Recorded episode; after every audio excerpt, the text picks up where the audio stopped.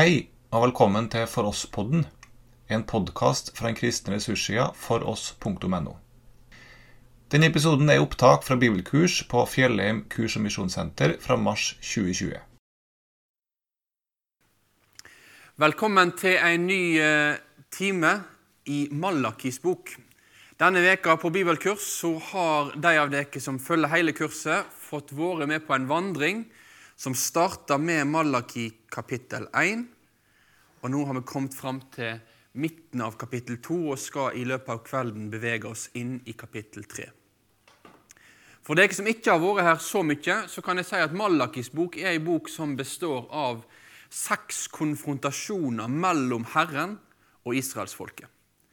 Der Herren han kommer med en anklage mot israelsfolket, og de svarer med et spørsmål. For eksempel, kapittel 1 og vers 2. Herren sier, 'Jeg har elska dere', og folket svarer, 'Hvordan har du elska oss?' Og Så kommer Herren med sin forklaring på den første anklagen, eller den første bekreftelsen som han gjør i starten. Og Dette mønsteret finner vi igjen i alle de seks konfrontasjonene, i større og i mindre grad. Og En av de flotte tingene med å ha tekstutleggende forkynnelse, der vi går gjennom ei bok, da er det at da er det ikke opp til meg som taler hva jeg skal dele med dere i dag. Det er klart at Som en taler så ser jeg noen kjepphester uansett hvor en leter. Og De kjepphestene de rir en jo av og til litt når en, når en forkynner. Det skal jeg være ærlig på. Men Gud har gitt oss en hel, en hel bibel, 66 bøker. Og I løpet av disse 66 bøkene så kommer han innom så mange ulike emner som er aktuelt for vår liv og vår hverdag. Og så kunne det vært sånn at ja, hvis Ingvald skulle valgt fritt tema, og Ingvald i kveld hadde bestemt seg for at ja, i dag skal vi begynne først med en bibeltime om blandingsekteskap mellom gudsfolk og andre, og skilsmisse. Så kan jo kanskje noen begynne å lure på ja, hvorfor skulle akkurat du ta opp det i kveld, Ingvald? Men grunnen er at det er da den teksten som har for oss nå i dag, handler om. Så jeg vil bare løfte fram og si at det er noe godt at ordet tvinger oss til å ta opp det som ordet sier. Og Det skal vi nå da gjøre i løpet av denne kvelden. Jeg kommer ikke til å svare på alle aktuelle spørsmål om det som har å gjøre med ekteskap, om skilsmisse og det ene og det andre. Da hadde ikke vi kommet så langt i kveld. Men vi skal ha fokus på det som Malaki tar opp, og dra linja ifra han og inn til oss i våre liv og i vår hverdag i dag. Og Vi begynner med å legge denne bibeltimen i Herrens hende.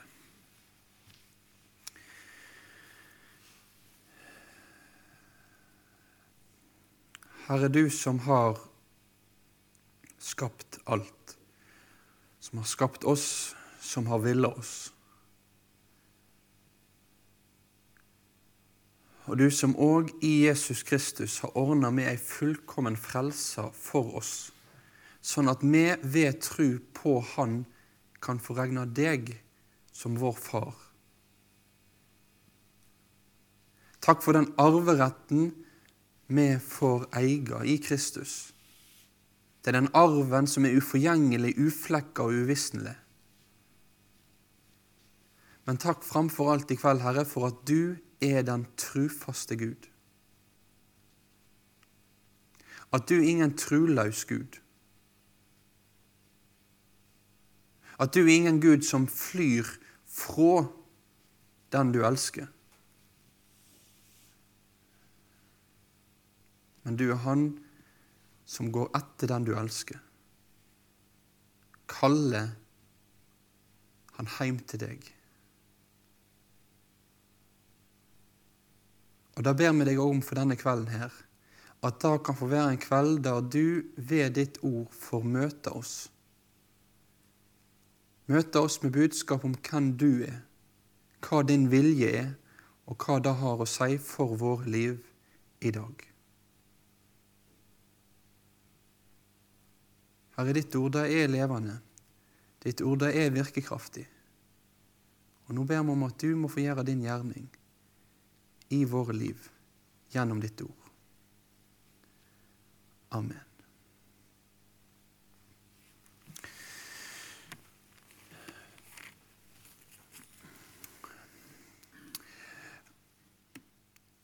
Vi skal da nå i denne første timen ha om den tredje konfrontasjonen som står i Malaki 2 og vers 10-16, før vi i neste time etter en pause går videre til den fjerde konfrontasjonen i kapittel 2, 17 3-5. Men vi begynner med å lese sammen det som står i Malaki 2, 10-16.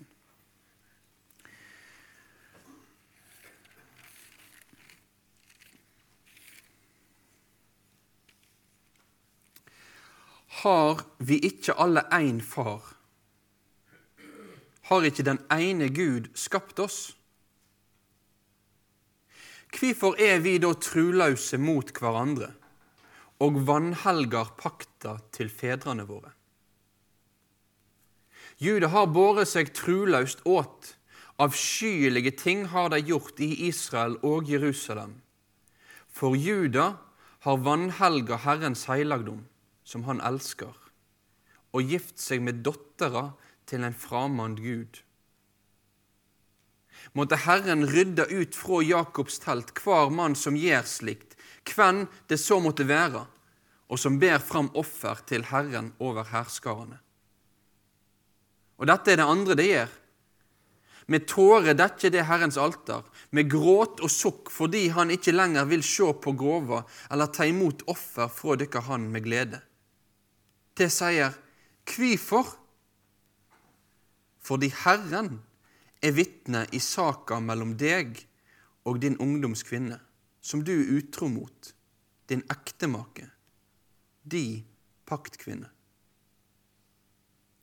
Er det ikke en som har skapt alt? Både kropp og ånd er hans.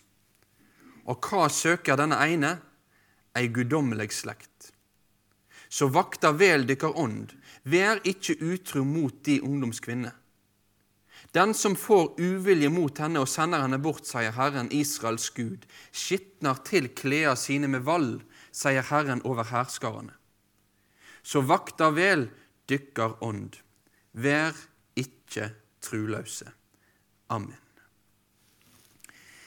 Nå merker kanskje noen observante bibellesere at mens jeg las, og hvis du satt og så ned i din egen bibel, så var det noen vers som så ganske annerledes ut i din bibel. ja? Og Det skal vi komme til etter hvert. De siste versene, vers 15 og 16, de er det gjort veldig ulike valg på i ulike bibeloversettelser. Eh, og Vi skal ta det når vi kommer så langt i teksten.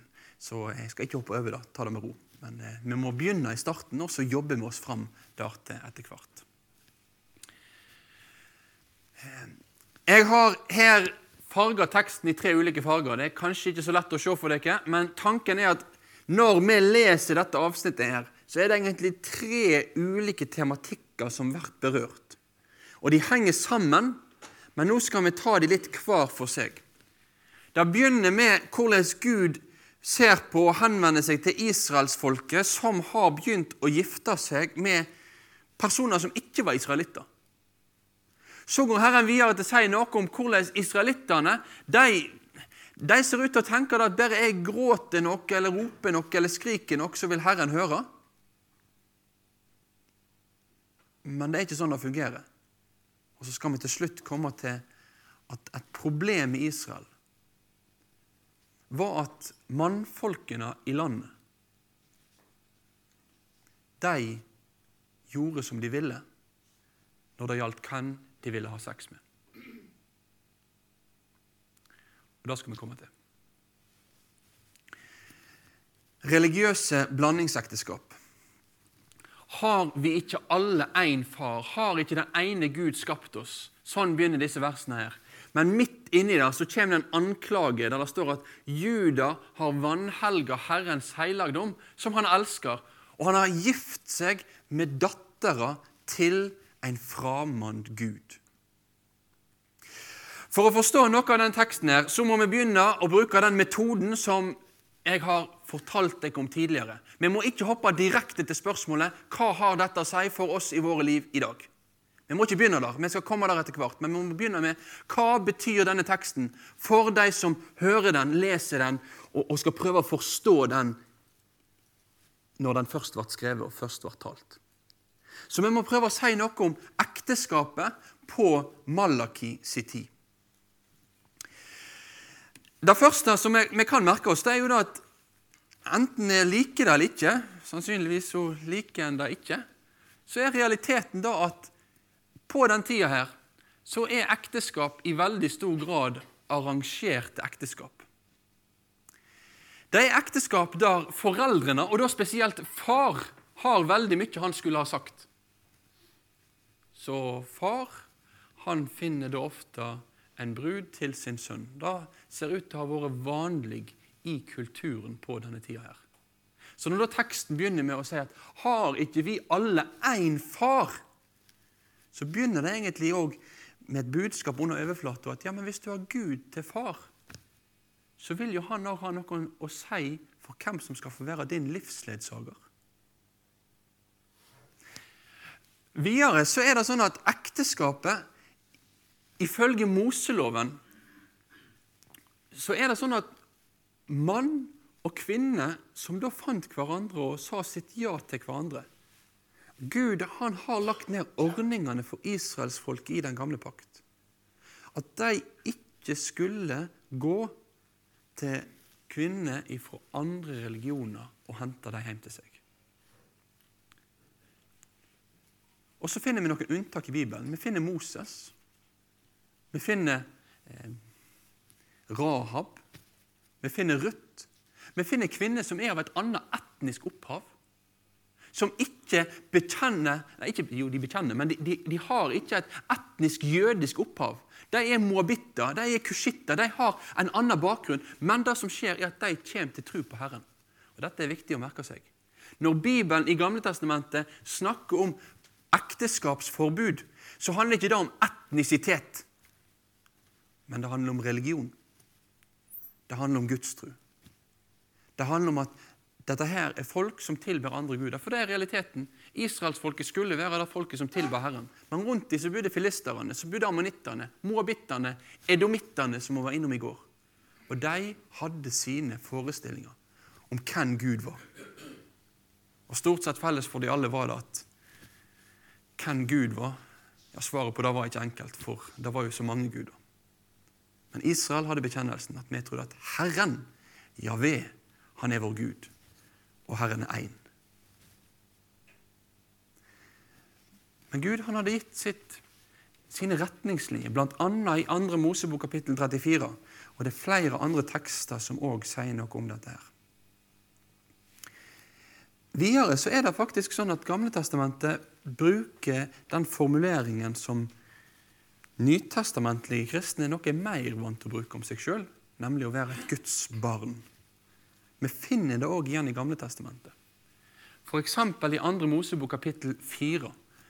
Når Gud skal fri israelsfolk ut av Egypt, så får Moses beskjed at han skal gå til farao og si at nå skal min sønn få fara.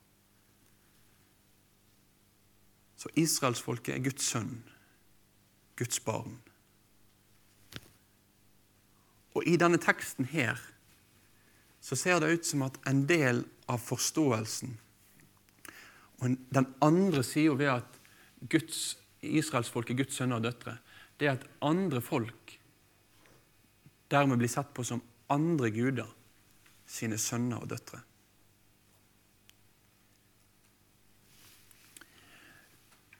Så den mest nærliggende lesingen av denne teksten her Når det står om at Juda, innbyggerne i Jerusalem og de som var Judas stamme, at de har gifta seg med dattera til en fremmed gud Den mest nærliggende forståelsen av det, det er at de har gifta seg med kvinner som ber til andre guder. Som dyrker andre guder. Som fornekter Israel, Herrens Gud, og heller vil be til om det er Astarte, Baal eller hvem det skulle være.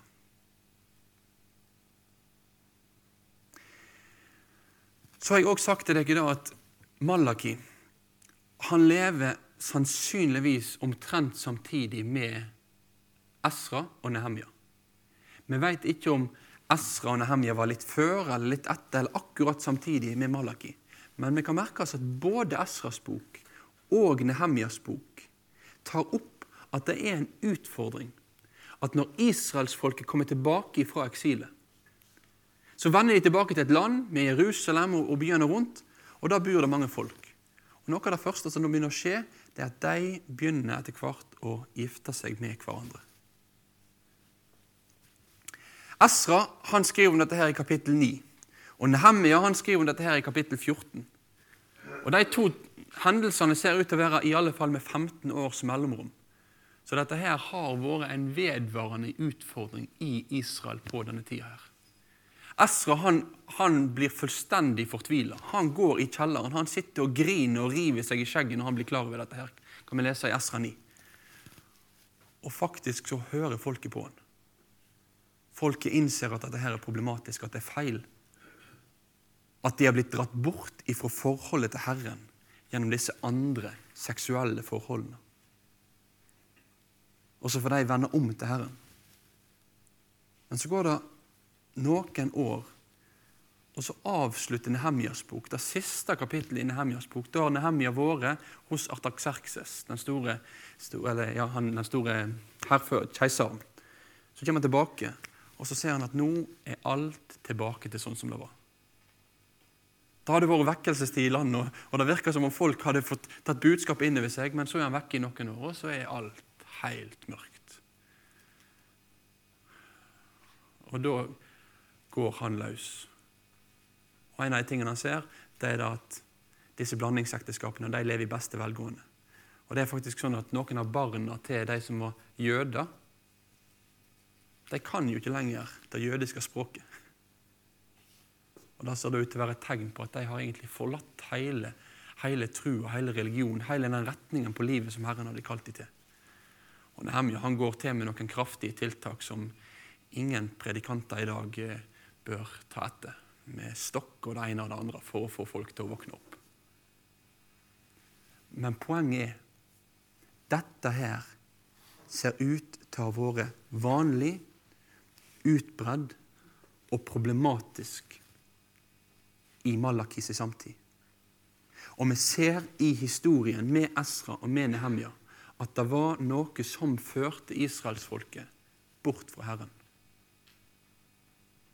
Og Går vi tilbake lenger i historien, til dommerboka, så kan vi se hvordan da at israelsbarna begynte å ta til seg kananeerdøtre og gifte seg med dem. Det var en av de faktorene som drog dem vekk fra Herren. Og når Salomo tar sine tusen hustruer, så ser det iallfall ut til å ligge under overflata her at det òg er en faktor til at han blir dratt vekk ifra tro på den sanne Gud. Hva var problemet? Hvorfor i alle dager skulle Gud ha noe å si på hvem de gifter seg med? Jo, da kan vi slå opp det verset i 2. Mosebok kapittel 34.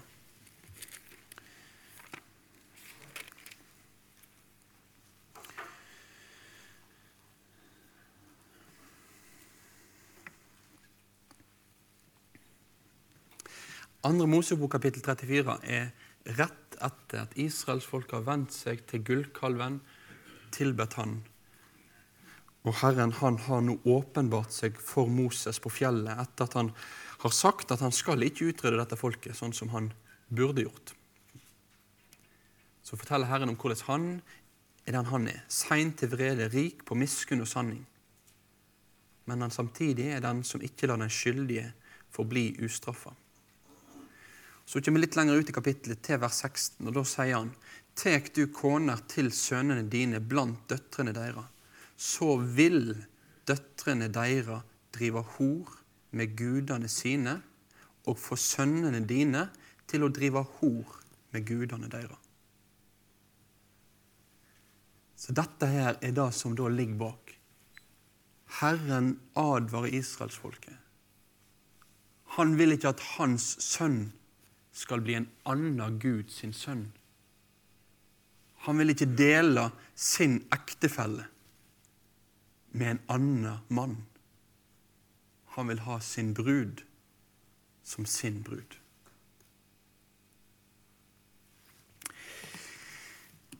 Men ok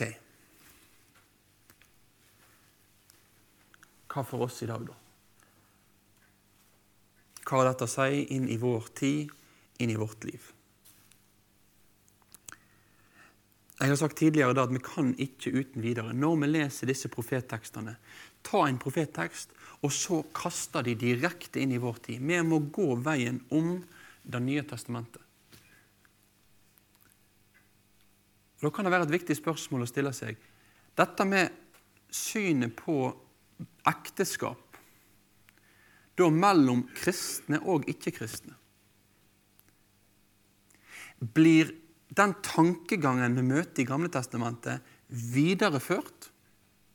Blir han modifisert, eller blir han avskaffa? Og jeg skal være helt ærlig på at det svaret det syns ikke jeg er så lett. Og her har jeg lest, og jeg prøver å lese. Jeg prøver stadig å lære mer om akkurat dette her. Og mennesker som jeg har stor respekt for, lander ned litt ulikt i akkurat disse spørsmålene.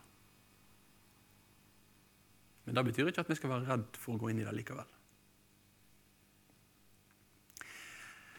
Et vers som ofte blir tatt fram for å si at det er en kontinuitet. Det er faktisk sånn at i den nye pakt så skal ikke Guds paktsfolk gifte seg med mennesker av andre religioner eller annen tro. Et viktig vers som ofte da blir tatt fram, er fra 2. Korinterbrev kapittel 6 og vers 14. Her står det Gå ikke under framant åk sammen med slike som ikke tror. Jeg har i hvert fall opplevd at det har vært et kjernevers som, som jeg har hørt og, og lest og, og møtt i denne sammenhengen. Mitt spørsmål til teksten er likevel handler denne teksten her primært om ekteskapet. Her er det en tekst som handler om hvordan kristne mennesker skal omgås med mennesker som ikke deler trua på Jesus Kristus. Sånn som jeg forstår det, så er det framfor alt spesifisert inn mot forsamlingslivet. Så kan en si at ja, men har ikke det noen ringvirkninger overfor ekteskapet da? Jo, kanskje det har noen ringvirkninger. Men samtidig er det ikke det teksten direkte og uttrykkelig handler om, sånn som jeg forstår den. Men så har vi noen andre tekster også i Nytestamentet som kan være nyttig at vi, vi har et blikk på. Det er nemlig sånn at når vi kommer til nytestamentlig tid, så er det jo mange mennesker som er gift, og så blir den ene ektefellen en kristen. Enten blir mannen kristen, eller så blir kona kristen. Og hva da? Hva når plutselig Jesus har kommet inn i dette forholdet her? Dette ser ut til å være en utfordring i menigheten, både som Peter skriver til, og som Paulus skriver til i Korint. Hva skal vi gjøre i et sånt tilfelle? Og, og I 1. Korinterbrev kapittel 7 så gir Paulus sin veiledning til menigheten i Korint, der han beskriver for dem at ja, hvis det nå er sånn at den ene av dere er en kristen, og den andre aksepterer det, ja, da skal det bli værende i ekteskapet. Men hvis den ikke-troende part ikke kan akseptere at du er en kristen og går, så er den kristne fri. Så kan det bli en, en eller annen form for skilsmisse. Første Peters brev, kapittel 3. Der står det noe annet òg.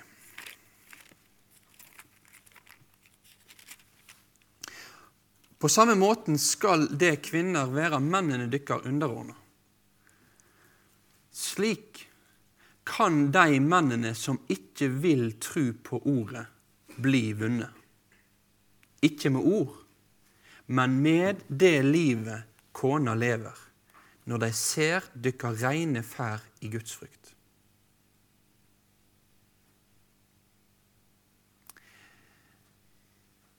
Her er det snakk om å kunne vinne sin ektefelle.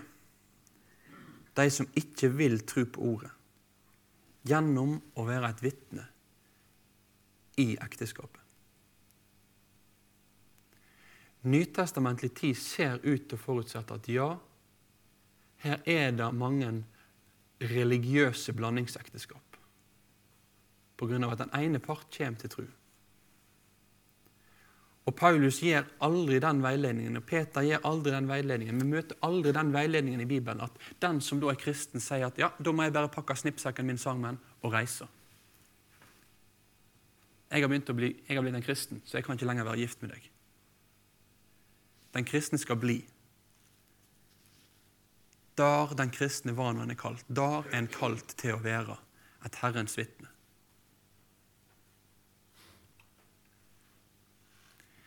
Og Dette er viktige tekster for meg når jeg skal prøve å tenke og veilede rundt spørsmål om, om landingsekteskap.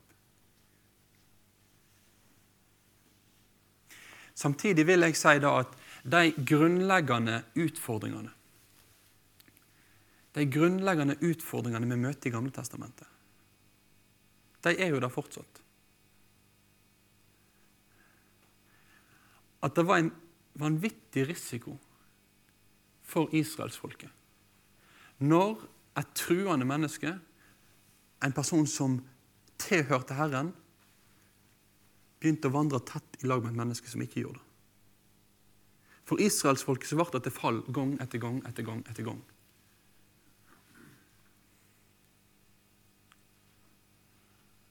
Og for oss i dag òg så er det store spørsmålet det er jo hva er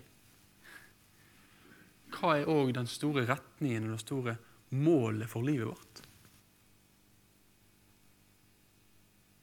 Jo, det er jo at jeg får tilhøre Gud av nåde, tjene Han her på jord, og se fram imot at jeg en dag skal få se Han som Han er i sin herlighet.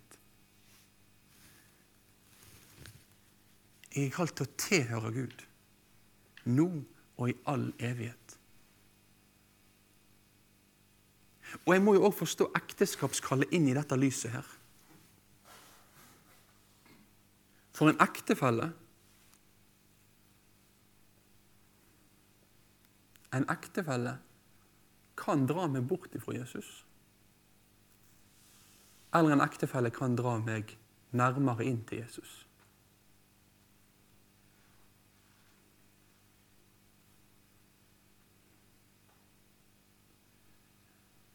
Og Det kan gjelde både den ektefellen som sier at han ikke er kristen, og den ektefellen som sier at han er kristen, men egentlig oppfører seg som noe helt annet.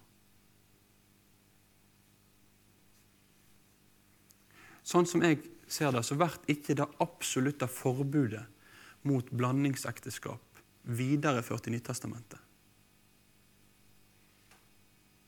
Men grunntanken Grunntanken med at vi er kalt til å hjelpe hverandre, støtte hverandre i livet som Guds folk.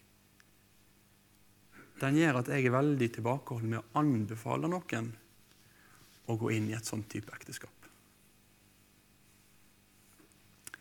Men her, som jeg sa innledningsvis, her har jeg stor respekt for at vi kan lande ned litt, litt ulikt. Det kan godt være at noen av dere kjenner at ja, her Ingvald, er vi ikke helt på linja.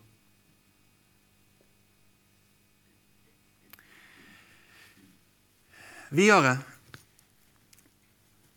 så fortsetter teksten med disse her hedenske tilbedingsskikkene. For israelsfolket ja, de, de gifter seg med døtrene til fremmede guder. Så står det etterpå om de at det andre de gjør, det er at med tårer så dekker de Herrens alter med gråt og sukk, fordi han ikke lenger vil se på gaver eller ta imot offer fra dere han med glede.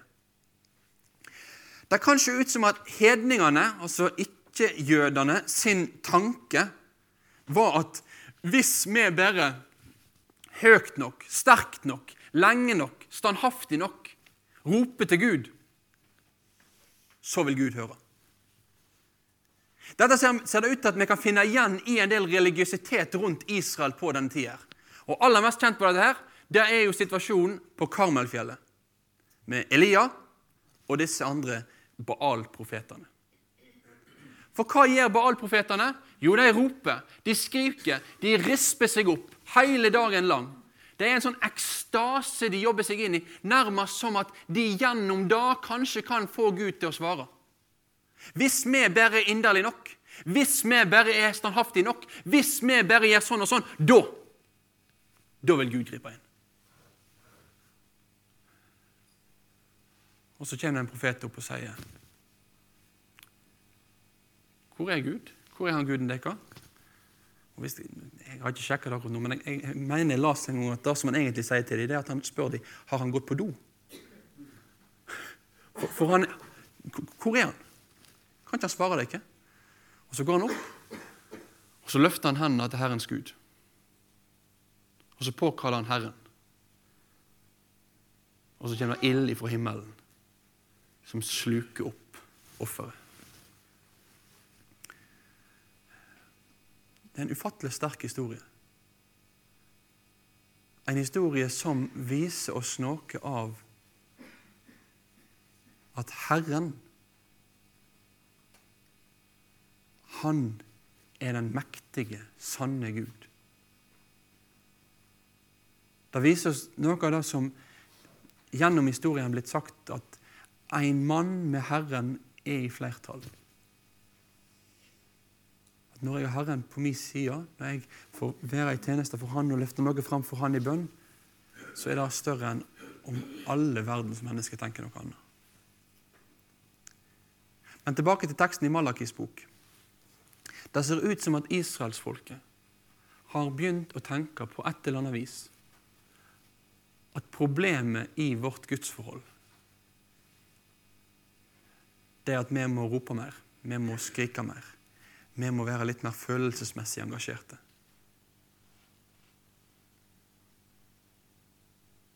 Men så er jo problemet manglende omvendelse. Så er problemet uoppgjort synd. Så er problemet at de lever borte fra Herren. Så vil jeg med dette også komme med én presisering til. Dette betyr ikke at følelsesmessig uttrykk er feil. Esra satt på denne tid her og grein på grunn av det folket gjorde. Han var i djup, djup sorg og fortvilelse. Vi møter i Bibelen stor, henrykt glede. Og vi møter djup, djup, djup fortvila sorg.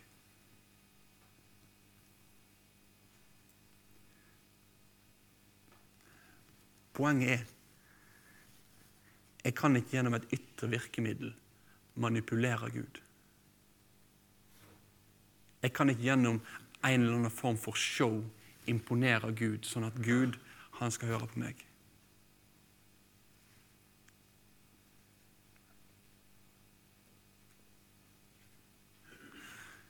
Jeg er kalt til å vende om til Gud.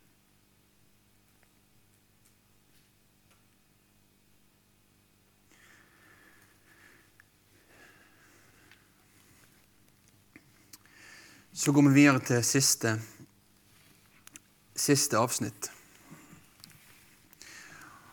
Nå skal vi, vi kjente å gå noen få minutter over tida for å få, få, sagt noe om dette her òg.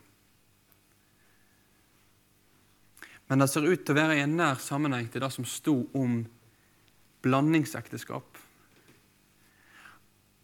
At problemet var ikke bare da at de gifta seg med mennesker som da hadde en annen religion men det ser ut som at de forlot konene sine som de hadde for å gjøre det. De var utro. De fant nye ektefeller fordi de hadde lyst på det. Og da sto det her Det sier hvorfor? Fordi Herren er vitne i saka mellom deg og din ungdomskvinne, som du er utro mot din ektemake, di paktkvinne. Er det ikke en som har skapt alt? Både kropp og ånd er hans. Og hva søker denne ene? Ei guddommelig slekt. Så vakta vel dykkar ånd.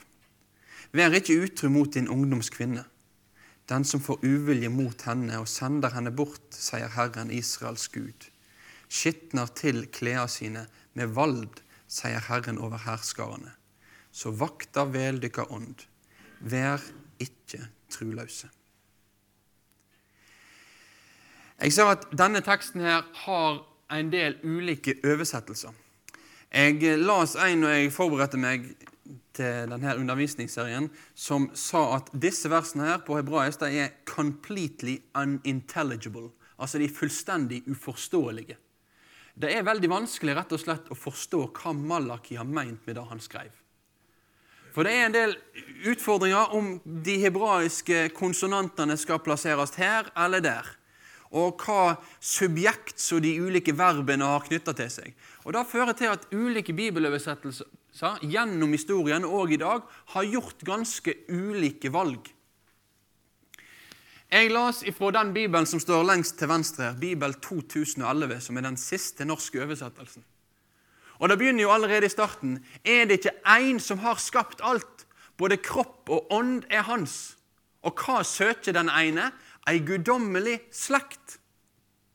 Så der ser det ut som at i den oversettelsen, når vi leser det sånn, så er poenget at Gud har skapt deg med sjel og med ånd, alt sammen. Gud har skapt alt. Og han vil at livet deres, kroppen deres, ikke skal bli brukt til synd, men heller, heller tvert imot i tjenester for han. Mens i 88-oversettelsen, eller 07-oversettelsen, så er det et helt annet poeng. For da står det Men har ikke en gjort det og er enda blitt i live? Men hva gjorde den ene? Han ville oppnå den ett Gud hadde lovt ham. Hva ser det ut til at det handler om der?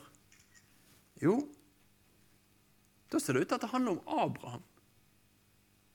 At Det er nærmest et forsvar om at kanskje noen i folket har tenkt at ja, vi er utro. Men da var jo Abraham òg. Vi, vi, har funnet oss en ny kvinne. Men da fant jo Abraham òg. Han fant jo Oda Hagar. Han tok jo henne til seg. Og Så kommer da Bibelen med et forsvar av han og sier ja, ja, greit, han tok Hagar til seg, men han gjorde det fordi han ville ha den ett som Gud hadde lovet han.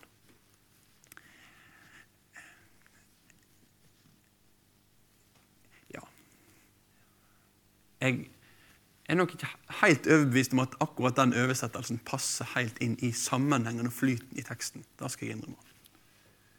Og På svensk òg så er det mer i retning av den første norske og også en engelsk oversettelse som går litt i samme sporet. Og Så ser vi i det neste verset òg at det er ganske store forskjeller på hvordan det blir oversatt. I Bibel 2011 så står det 'Den som får uvilje mot henne og sender henne bort' sier Herren, Israels Gud. Skitner kleder sine til med vald. Så her er det snakk om en mann som begynner å hate, eller få uvilje, det er jo samme ordet, mot kona si og bestemmer seg for å sende henne bort.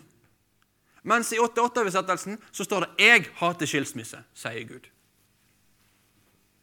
Det er to litt, litt forskjellige poeng der òg. Hvorfor tar jeg dette opp for dere? Jo, faktisk én grunn til at jeg tar opp for dere. Det er at jeg bare vil, vil komme med en liten sånn anbefaling. Ikke bruk slegga der du ser at det er så ufattelig ulike oversettelser på ting.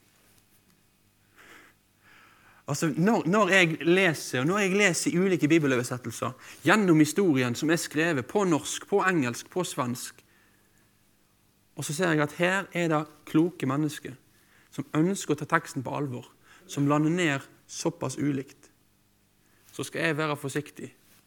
I alle fall hvis jeg ikke kan en eneste gresk, nei, hebraisk bokstav til å slå veldig fast at ja, det er dette her verset egentlig betyr. Så ikke bruk sleggo da du ser at her er det faktisk litt vanskeligere å forstå. Men det vi kan si, det er at hovedlinja i denne teksten her er veldig tydelig. Den er det ingen tvil om. Hovedretningen på det som blir sagt, uansett hva bibeloversettelse som en, en går god for i dette tilfellet, den er lik. Og det står to ganger. Først i vers 15, og så i vers 16. Vær ikke troløs.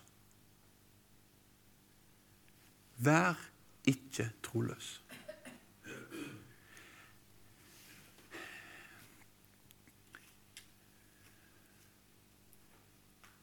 Malakis bok viderefører det som vi leser i Moseloven om at min, mitt ønske om at jeg bare vil ha meg en ny kone, det var ikke god grunn for skilsmisse.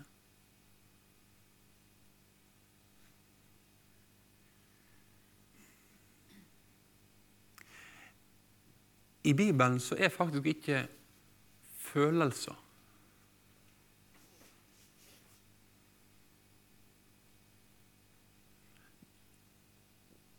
den drivende krafta i ekteskapet. Følelser er godt. Følelser skal tilskyndes. Følelser skal en få arbeide for at det er der. Men trofasthet Trofasthet er det som blir løfta opp.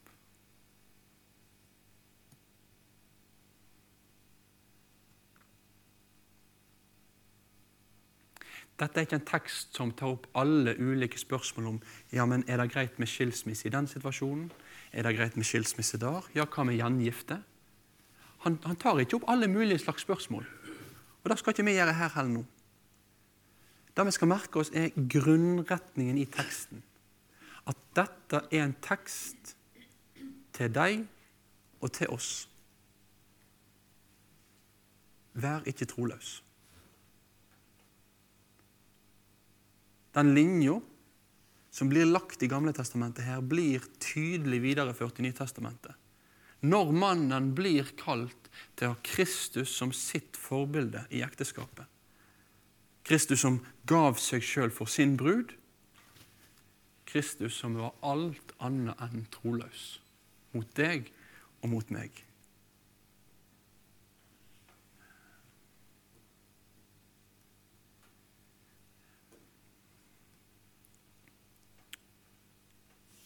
Jeg vet ikke hvordan det er i alle relasjoner rundt omkring her.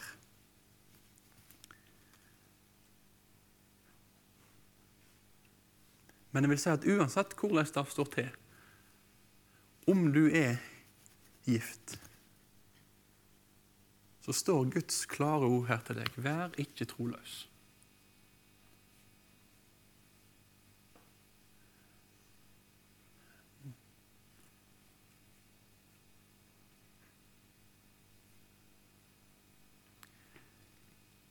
I tanke, i sinn eller i handling.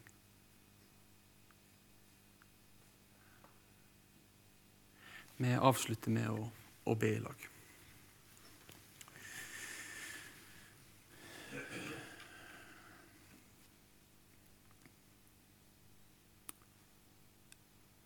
Herre, takk at du har gitt oss ditt sanne ord. At du har innstifta ekteskapet mellom mann og kvinne. At du har gitt oss denne gode ramma for seksualitet, for familieliv, for fellesskap.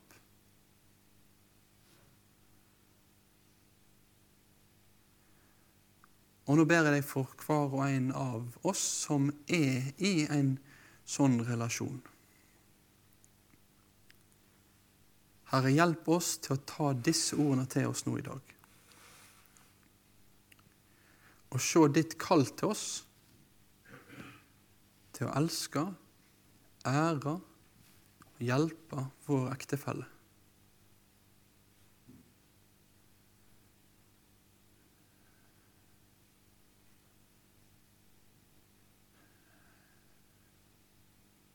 Og Herre, så ber jeg deg òg for de som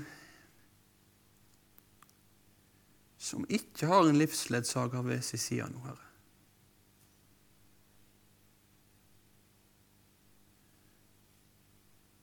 Takk at du ikke er truløs, men du er trufast.